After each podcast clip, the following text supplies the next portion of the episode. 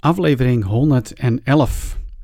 In deze aflevering ga ik het met je hebben over flow of business door flow of life en hoe die twee onlosmakelijk met elkaar zijn verbonden.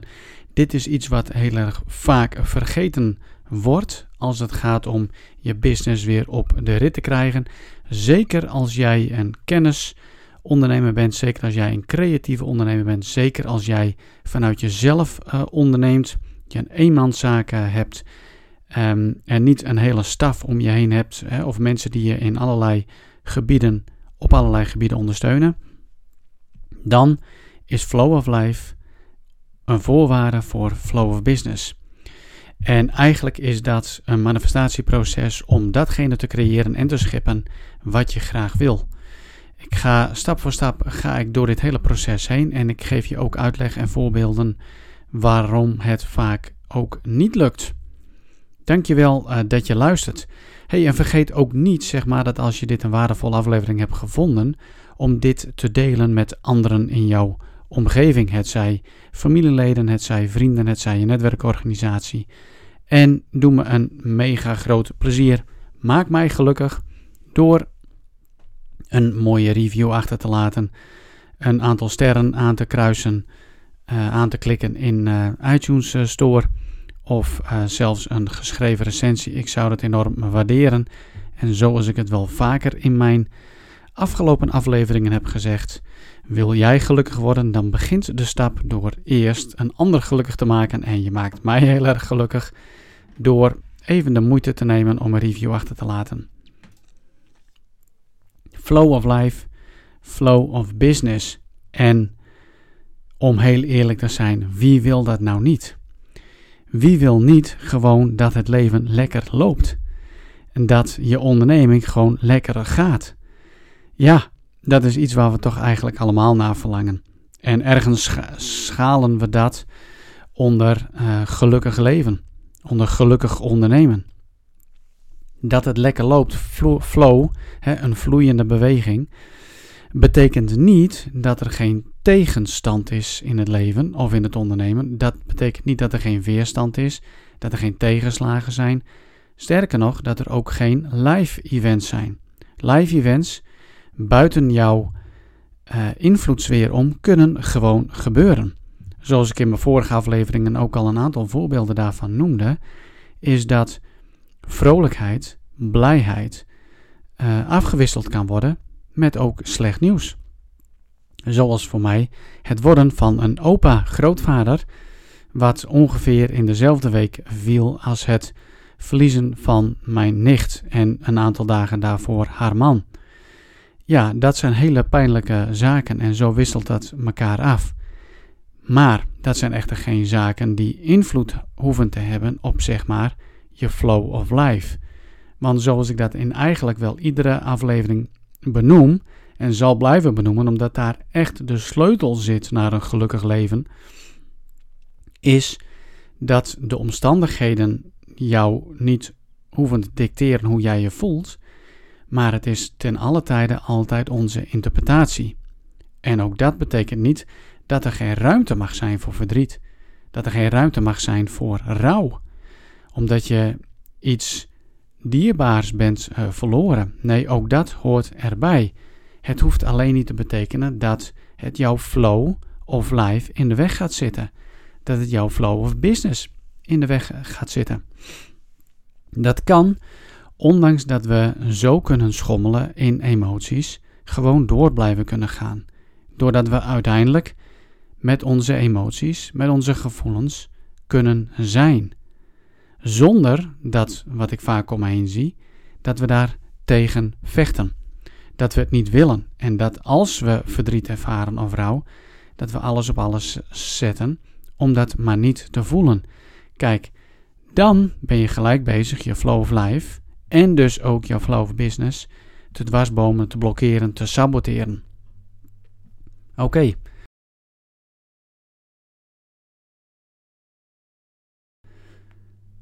Laten we dan gaan naar uh, eigenlijk de eerste stap. De eerste stap is, is zeg maar helikopterview creëren voor jezelf. Waar sta jij nu? Waar sta jij met je leven? Waar sta je met je onderneming? En kun je zien dat het geheel met elkaar verbonden is. Dat jouw leven verbonden is met jouw onderneming, want jij bent toch immers jouw bedrijf. Het is jouw denken over jezelf, het is jouw denken over de mogelijkheden, het is jouw denken over de economie, wat uiteindelijk ook de staat van jouw business bepaalt. Want is bij jou het glas half leeg of is het half vol? Merk je dat je misschien wel te veel focus legt op de dingen die niet goed gaan, in plaats van dat je stilstaat bij de dingen die juist wel goed gaan en dat je, daar, dat je daar ook de tijd voor neemt om het te vieren. Dus wat is jouw huidige situatie? En stel jezelf daarin de vraag: wat zou je daarin anders willen zien? Wat zou je anders willen beleven? Wat zou je anders willen voelen in dat hele gebeuren? Het kan zijn dat je misschien meer klanten zou willen. Of eigenlijk begint het dan als eerste, zeggen mensen: Ja, ik wil eerst meer geld. Maar goed, geld is een, is een product van een business in flow. Misschien moet je dan eerst eens even gaan kijken van, joh, wat maakt dat ik geen geld in mijn business heb? Zoals we de geldstroom ook cash flow noemen, is die flow natuurlijk ook een hele belangrijke. En het verlangen naar alleen maar cashflow, ja, dat is eigenlijk het buitenste randje. Dat is bij de vrucht te beginnen. Terwijl we eigenlijk eerst bij jouw roots, jouw wortelnetwerk moeten beginnen. Want daar, door jouw wortelen, hè, zoals de, de grote wortelen van een boom, eh, aangezien mijn nieuw bedrijf uh, Tree of Life, sorry, Life Tree Connection uh, heet, gebaseerd op de Tree of Life, zie je dat het wortelnetwerk even groot en even diep de grond in gaat als de takken en de boom hoog in de hoogte reikt. Hè? Daar is een, is een balans met elkaar. Dus waar zit je pijn? En hoeveel pijn doet het dan? Hoeveel pijn doet het? Ik, ik denk even terug aan een periode in mijn leven. Ik heb het wel vaker genoemd. Uh, misschien luister je dit ook, deze aflevering, voor het eerst. Ja, niet deze aflevering, maar mijn podcast voor het eerst. En heb je de voorgaande dus nog niet uh, geluisterd. Vorig jaar zomer, uh, ergens, bereikte ik een punt dat ik voelde en merkte, er is even geen flow. En ik verlangde ontzettend naar de flow, maar ik zat nog eerst heel erg in de pijn. Ik kon de pijn ook wel aanwijzen waar het allemaal zat. En ik had iets nodig, zeg maar, om het anders te krijgen. Waar ik dus eerst de tijd voor heb genomen, is een helikopterview te maken van waar sta ik? En hoe hebben de afgelopen jaren eruit gezien? Wat zijn mijn gedachten, wat zijn mijn emoties, overheersende gedachten en emoties dan geweest? En hoeveel pijn doet het eigenlijk dat ik in een bepaalde um, blokkade van mijn flow zit? Hoeveel pijn doet het en hoe graag wil ik er vanaf? Um, pijn is is nou eenmaal een hele goede motivator. Maar dan moet de pijn ook wel hevig uh, genoeg zijn. Kijk, motivatie is ook een motivator. Maar voordat motivatie er is, hebben we eerst nog een aantal zaken op te ruimen en of op te lossen. Motivatie is niet iets, zeg maar, wat je komt aanwaaien of wat er opeens is. Motivatie moet je echt gaan creëren. En soms kan het goed zijn om eerst even stil te staan bij, joh, wat is nu eigenlijk de pijn die ik ervaar? En hoe graag wil ik daar vanaf? Want ik kom ook genoeg mensen tegen die wel de pijn ervaren, maar als je daarop doorvraagt, er eigenlijk niet van af willen, omdat ze weten en al aanvoelen diep van binnen: ik zal door een moeilijke periode moeten gaan om daar afstand van te nemen. Want niks komt je zomaar aanwaaien. Ja, behalve als je in flow zit. Als je in een bepaalde flow state zit waar uh, Mihai Csikszentmihalyi zijn boek Flow uh, over heeft geschreven. Uh, maar daar kom je niet altijd zomaar. En dat is eigenlijk het mooie van het leven, want als je weer terug wilt naar flow, of je wilt die flow of life en flow of business in je leven creëren, dan zul je dus aan de bak moeten. En dat aan de bak gaan is eigenlijk een heel mooi cadeau wat het leven, wat God, het universum jou geeft om juist dingen op te lossen, om te groeien en daarmee zorg je ervoor dat jouw wortelnetwerk dieper de grond in gaat, waardoor er meer water opgezogen kan worden en andere voedingsstoffen, waardoor de boom sterker en krachtiger wordt en nog meer de hemel in kan reiken. Wat een mooi beeld is dat. Als je dan voor jezelf inzichtelijk hebt gemaakt waar je staat, en wat misschien ook wel de oorzaak is, dan is een stukje eigenaarschap die je vervolgens mag gaan dragen een hele belangrijke. Want hoe komt het dat de flow of life en business is gestopt? Wat is er gebeurd? Ben je in een sleur terechtgekomen? Ben je uh, voorzichtig uh, geworden? Durf je geen risico's meer uh, te nemen? En ik wil niet zeggen, het wil niet zeggen dat het bij iedereen zo zou moeten zijn. Maar ja, weet je, ook omdat deze podcast ook wel vrij veel gaat over mij als voorbeeld, merkte ik ook wel toen ik die vragen ging beantwoorden, merkte ik gewoon dat ik te veel in mijn comfortzone zat. Ik zat in mijn warme bad en dat was de eigenaarschap die ik nodig had om uiteindelijk ook weer verder te komen. Dus eerlijk zijn naar jezelf, eigenaarschap nemen en dat, dat komt ook met het besef van wacht eens even, als ik een creator ben van mijn, van mijn leven, van mijn mogelijkheden, als ik de creator ben van mijn dromen, hoe komt het dan dat ik dat dus niet aan het realiseren ben, aan het manifesteren ben? En als je dan eerlijk in de spiegel kunt gaan kijken en je kunt zien waar het aan ligt en je zegt tegen jezelf, ja, ik draag daar de verantwoordelijkheid voor, maar ik ben dus ook degene die dat kan gaan veranderen.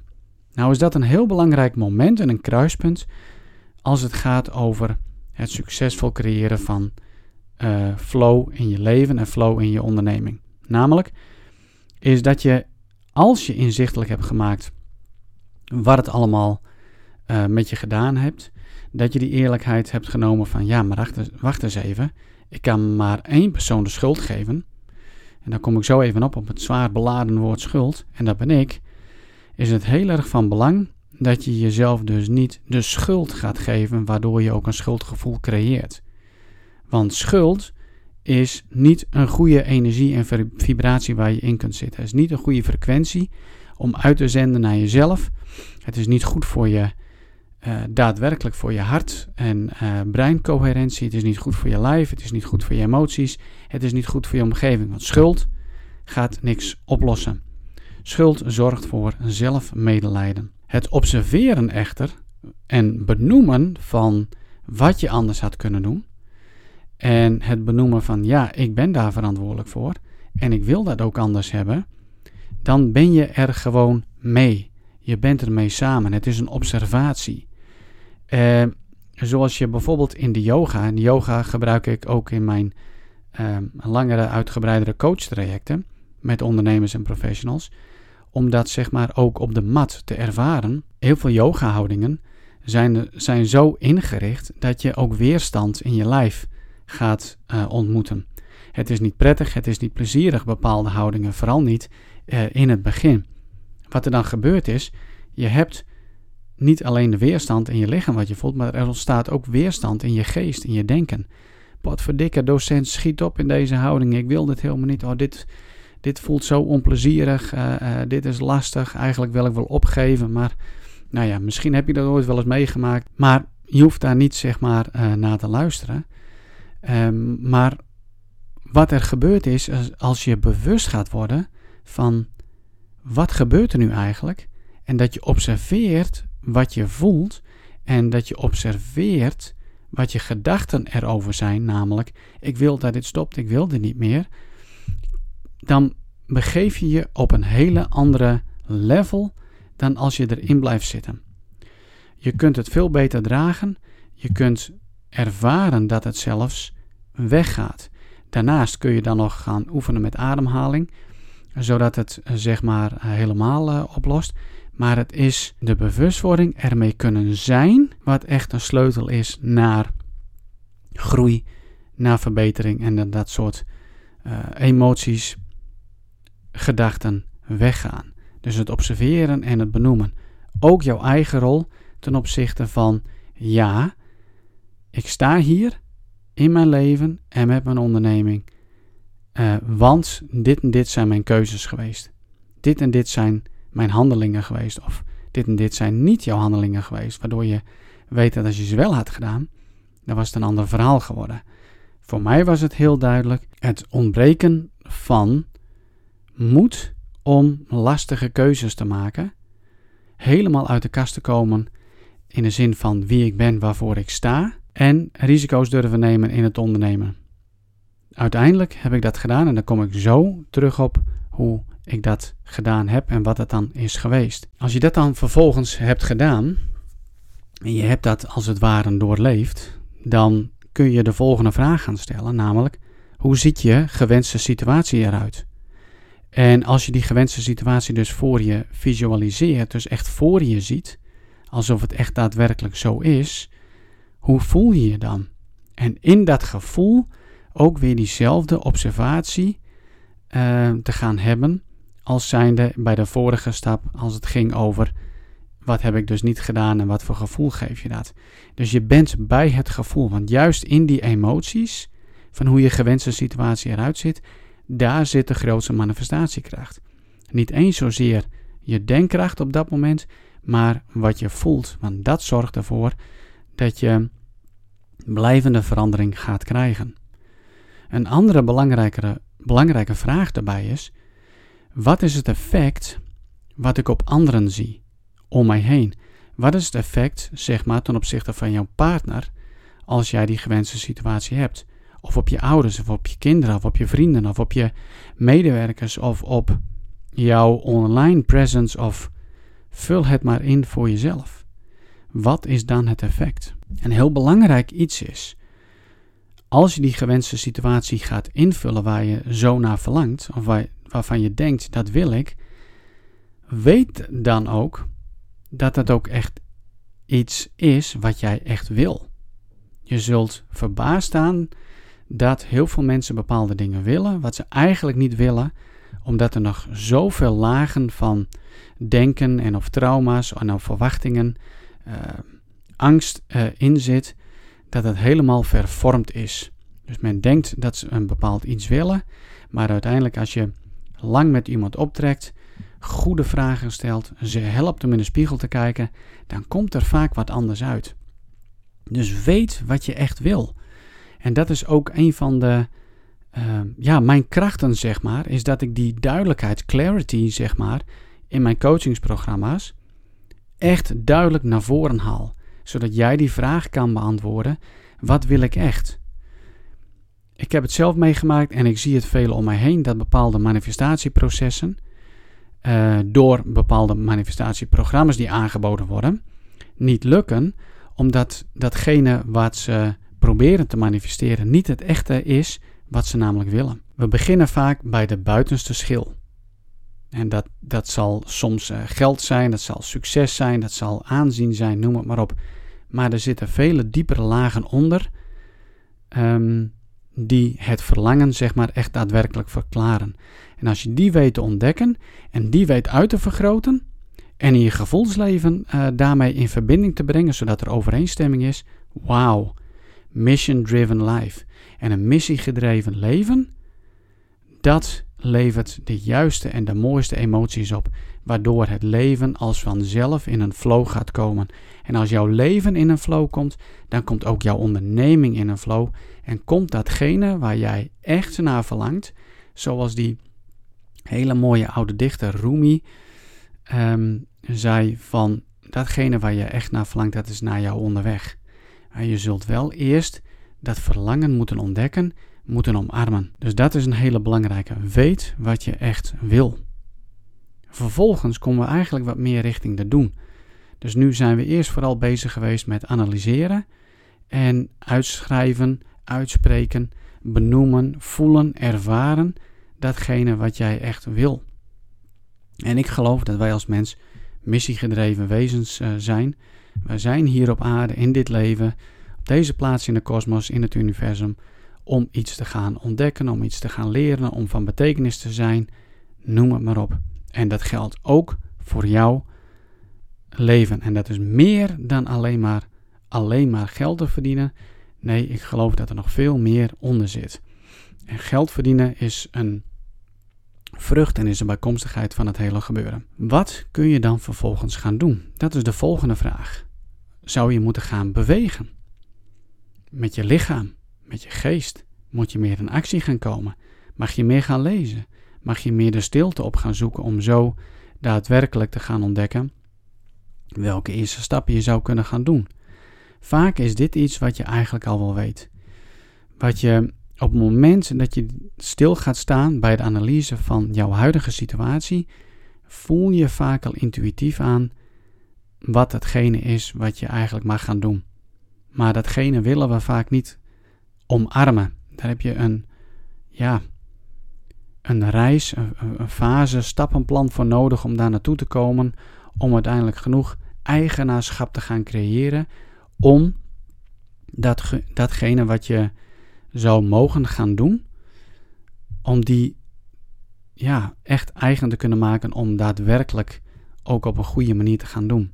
Je moet niet dingen gaan doen die je anderen ziet doen, uh, of dat een een of andere uh, iets op social media nou net hot is, of een bepaalde challenge uh, die voorbij komt. En nou ja, weet je, noem het maar op. Je moet echt datgene gaan doen wat er bij jou van binnen opkomt, waarvan je weet dat zou ik meer mogen gaan doen. In mijn geval was dat gedurfde beslissingen nemen. Veel meer gaan zijn wie ik ben en daarover te vertellen. Zonder de angst van afwijzing, zonder de angst van dan vinden ze me minder leuk of dan gaat mijn bedrijf minder lopen. Want ik wist op het moment dat ik mezelf ging omarmen, van mezelf ging houden zoals ik ben en waarvoor ik sta, dat er een verandering in mijn bedrijf en mijn onderneming zou plaatsvinden. En die verandering vond ik spannend en vond ik eng. Ik wist ook om daar te komen waar ik zou moeten komen, zal ik ook weer risico's moeten gaan nemen. Ik heb ooit een keer, jarenlang geleden, op mijn rug getatoeëerd een mooie tekst, Who Dares Wins. Gebaseerd op die uh, elite-eenheid van Groot-Brittannië, de SCS, de Special Air Service. Wie waagt, die wint. En soms moet je risico's durven nemen om ergens verder te komen. Bij mij past dat heel erg in mijn leven. Om af en toe hele gedurfde stappen te nemen waarvan anderen zeggen: Nou, dat doe ik je niet zo na. Dat hoeft ook niet, want ik ben William en jij bent wie jij bent. En we hebben allemaal een andere reis. Voor mij werd, dat helder. Dus ik ging veel meer in de doenstand staan en dan doen op datgene waarvan ik wist en de volle overtuiging had: dit is iets wat ik zou moeten veranderen. Want die Engelse tekst die ik wel vaker gebruik, whatever you are not changing, you are choosing, dat heeft met die eigenaarschap te maken, is een hele belangrijke om daarachter te komen wat het dan is. Dan kun je gaan bewegen op de manier die nodig is. En voor mij geldt dat, zeg maar, dat ik alles uit de kast trek om mezelf, zeg maar, in die positie te manoeuvreren, zodat ik vanuit een um, nou ja, een baseline, een gevoel van vrede, bepaalde keuzes kan maken. Niet omdat het moet, hè, want dat levert weer die kramp op. Maar omdat je voelt en ervaart, ja, dit is de stap die ik heb te doen. En als je daar een, een, een gevoel van vrede bij krijgt, dan weet je vaak wel, dit is wel dat ik op de goede weg zit. En het wil niet zeggen dat je het um, niet spannend vindt, of dat je niet af en toe s'nachts zwetend wakker wordt van holy mackerel, wat heb ik nu eigenlijk gedaan? Nee, maar over het algemeen um, weet je gewoon, dit is oké. Ik heb daar een aflevering over gemaakt. Ik weet niet zo welk nummer dat is. Dat is de podcast uh, of Ondernemen vanuit Intuïtie. Wat ik bijvoorbeeld heb gedaan is uh, het gaan koud te douchen. Ik heb een hekel aan kou. Dus ik moet weer even mijn comfortzone uit om dat mee te gaan maken en het iedere keer weer opnieuw te gaan doen. Het hielp me zeg maar om in een modus te komen van uh, actie, van beweging, van het ervaren daadwerkelijk op alle niveaus van mijn zijn, wat, uh, wat, wat voor mij een angst is. Ik heb echt een pokhekel aan kou. Vraag iedereen in mijn naaste omgeving maar eens hoe ik altijd kon klagen over kou en af en toe nog wel eens, maar dat is wel een stuk minder. Uh, bewust dat soort dingen ga uitzoeken. Maar ook zeg maar het mediteren en het schrijven. Uh, dat lag eigenlijk ook weer een periode stil. En ik merkte gewoon, ja, weet je, wil ik dat mijn wortels van, ehm, als ik mezelf met een boom vergelijk, van mezelf goed de aarde ingaan om ehm, een goede sapstroom op gang te brengen en om gewoon geworteld in de grond te staan, ja, dan zal ik dingen moeten gaan doen die ervoor zorgen dat mijn wortels gaan groeien. Ja. En voor mij is dat uh, meditatie, is dat yoga en is dat ook schrijven en eerlijk zijn en eerlijk in de spiegel kijken. Dus wat kun je gaan doen? Wat mag je gaan uitvoeren? Welke keuzes heb je te maken?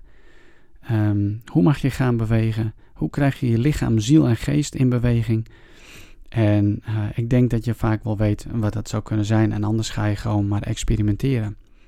Ook al komt daar niet een heel duidelijk antwoord, in dingen uitproberen, wegstrepen, kom jij een heel. Je hebt helder gekregen in wat je gewenste situatie is. Je hebt helder gekregen wat je nu zou kunnen gaan doen. Misschien je, ben je bekend met de be en uh, do en have. Hè. Dus eerst begint het met de zijn. Nou, dat zijn die eerste uh, twee stappen. Dan kom je bij de do. Dan ga je echt dus in beweging, maar dan wel bewegen vanuit een innerlijke vrede. En dan krijg je de have, en dat is van het ontvangen. Maar wat wel van belang is, is um, wat veel anderen zeggen, zeg maar, als het gaat over je dromen verwezenlijken of het manifesteren, is ja, elke dag moet je dat weer voor je gaan zien en wat je daarin wilt bereiken. Nou, ik deel daar een andere mening in. Ik denk dat het heel belangrijk is, zoals ik als ik de oude literatuur uh, bestudeer en onderzoek, is dat je dat, al zou je dat maar één keer heel goed hebben gedaan, waarbij je uh, de gewenste uitkomst echt hebt gevoeld en echt duidelijk voor je hebt gezien, waarbij al jouw zintuigen zeg maar helemaal gebruikt en geprikkeld en nou, noem het maar op zijn, dat zou eigenlijk al voldoende moeten zijn. Maar doe het een paar dagen achter elkaar, hooguit uh, drie. En dan komt het meest belangrijkste en dat is het loslaten van de uitkomst die je wil. Anders dan kom je in een kramp en uh, ga je veel te veel het hoe-proces, wat het leven en het het, het universum, zeg maar, God, voor jou heeft uitgestippeld, waar je vaak nog geen zicht op hebt, ga je beïnvloeden. En als je het iedere dag weer als een, zeg maar, als een gebed uh, opzendt, uh, God is niet doof en die heeft hele goede oren. En één keer is eigenlijk wel genoeg. Als je het maar met al je zintuigen hebt beleefd. Op een gegeven moment laat je je droom dus los. In alle verhalen uit de oude literatuur, de quests, de hero's journeys, waar ook Joseph Campbell over heeft geschreven, kom je tegen een punt waarin zeg maar de droom teruggegeven mag worden. Ik heb het ook wel vaker genoemd, de personage gewoon uh, uit de droomgever komt op een gegeven moment bij een grote rivier. Daar uh, ontmoet hij God, zijn droomgever, en die vraagt eigenlijk van joh, ik wil graag die droom weer terug. En die droom die droeg hij bij zich in een soort van boek. Ehm, waarin hij dingen kon schrijven en, en volgens mij ook aanwijzingen zaten. En hij moest die droom weer teruggeven, de rivier overkomen. Uh, en zonder dat hij het wist, kreeg hij die droom uh, weer terug nadat hij de rivier was overgestoken. En dat is een hele belangrijk uh, punt.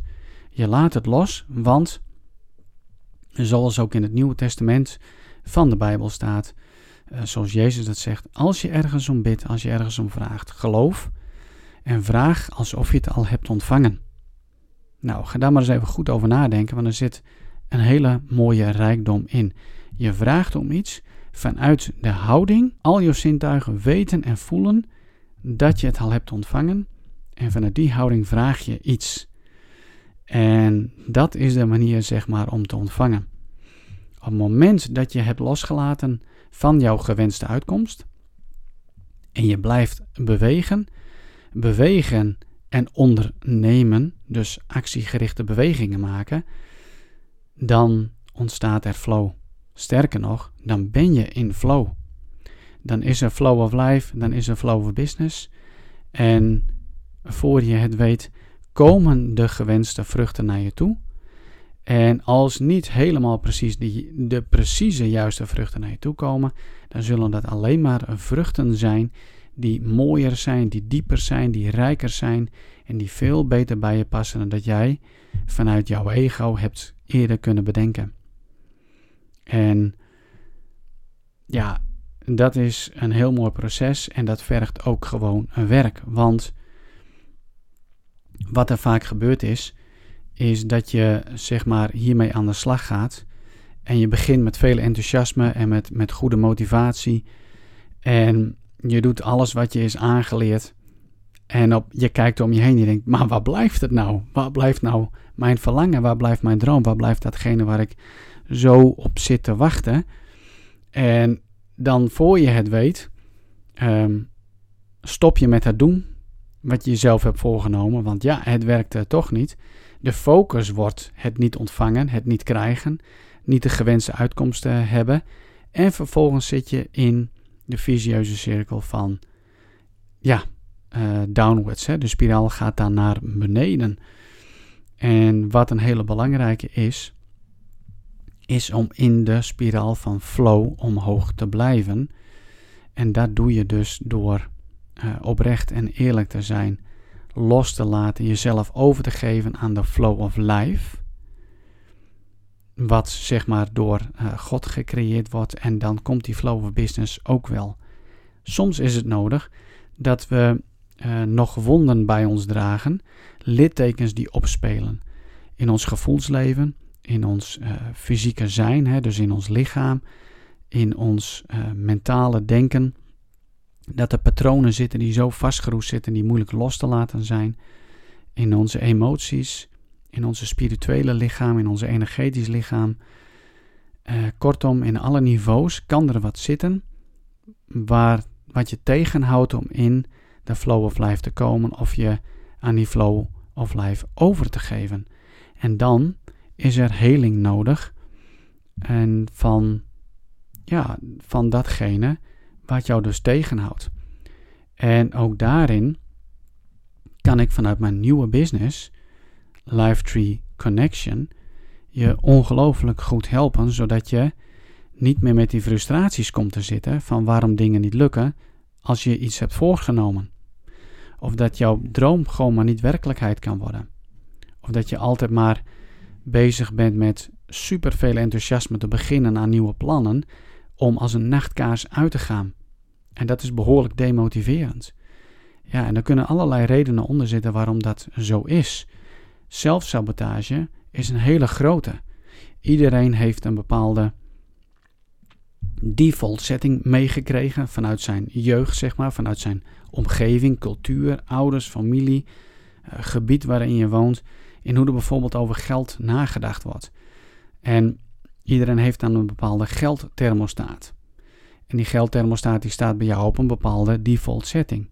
En op het moment dat je daar tegenaan tikt, of zelfs net even overheen gaat, dan treedt er zelfsabotage uh, op, onbewust, om jou weer terug te krijgen op jouw thermostaatsetting. Als ik de thermostaat van mijn centrale verwarming op 20 zet, na verloop van tijd is het 20. Niet 20,5 of 21, niet 20, ook niet 19, snap je? Dat is dus hetzelfde als het gaat over flow of life. Ook daarin heb je een bepaalde thermostaat. En soms is er gewoon duidelijkheid nodig, inzicht in wat het jou tegenhoudt. En daar heling op te krijgen. En soms is bewustwording al genoeg. Duidelijkheid kan al heel veel betekenen. Om vervolgens de flow of life en flow of business voor elkaar te krijgen. Luister deze aflevering desnoods nog een keertje terug. Doe jezelf een hele grote plezier als jij echt wil dat jouw dromen verwezenlijk uh, worden. Als jouw verlangens echt verwezenlijkt wil worden. Schrijf dan ook op de vragen die ik heb gesteld en beantwoord ze. En ga ermee aan de slag. Ik zou heel graag met jou willen werken. Als je het niet alleen wil doen om dit op een hele mooie, integere, effectieve manier op te pakken. Uh, mijn nieuwe programma Flow of Business is helemaal gericht op het creëren van Flow of Life. Levert jouw Flow of Business op. Dus het inzichtelijk maken van al die stappen, het oplossen, het opruimen, het herstellen en het helen van al datgene wat ervoor zorgt dat jij niet daar komt waar je graag wilt zijn. En dat heeft alles te maken met hoe jij denkt uh, over het leven, wat je aan bagage hebt meegenomen vanuit jouw leven, vanuit jouw opvoeding. Het heeft alles te maken met hoe jouw uh, emoties daarop reageren, jouw fysieke lijf, hoe die daarop reageert, jouw spirituele lichaam en jouw energetisch lichaam. Daar gaan we mee aan de slag. Dus dan ben je op alle niveaus ga je aan de slag. Vaak is het zo, en dat is vaker in coaching en andere begeleidingsprogramma's, is het alleen maar op het mentale vlak dat we bezig zijn, alleen maar op het cognitieve, maar de mens bestaat gewoon uit verschillende lagen, uit verschillende niveaus. Het holistisch concept, het holistisch begrip, holos uit het Grieks, de mens is heel, maar bestaat uit het mentale laag, uit die fysieke laag, uit de energetische laag en uit die spirituele laag. En op al die vlakken kan er wat zijn wat je gewoon tegenhoudt in te creëren van wat jij echt wil. Ik gun jou de flow of life, ik gun jou de flow of business, maar jij bent aan zet. Dankjewel voor het luisteren en tot de volgende keer.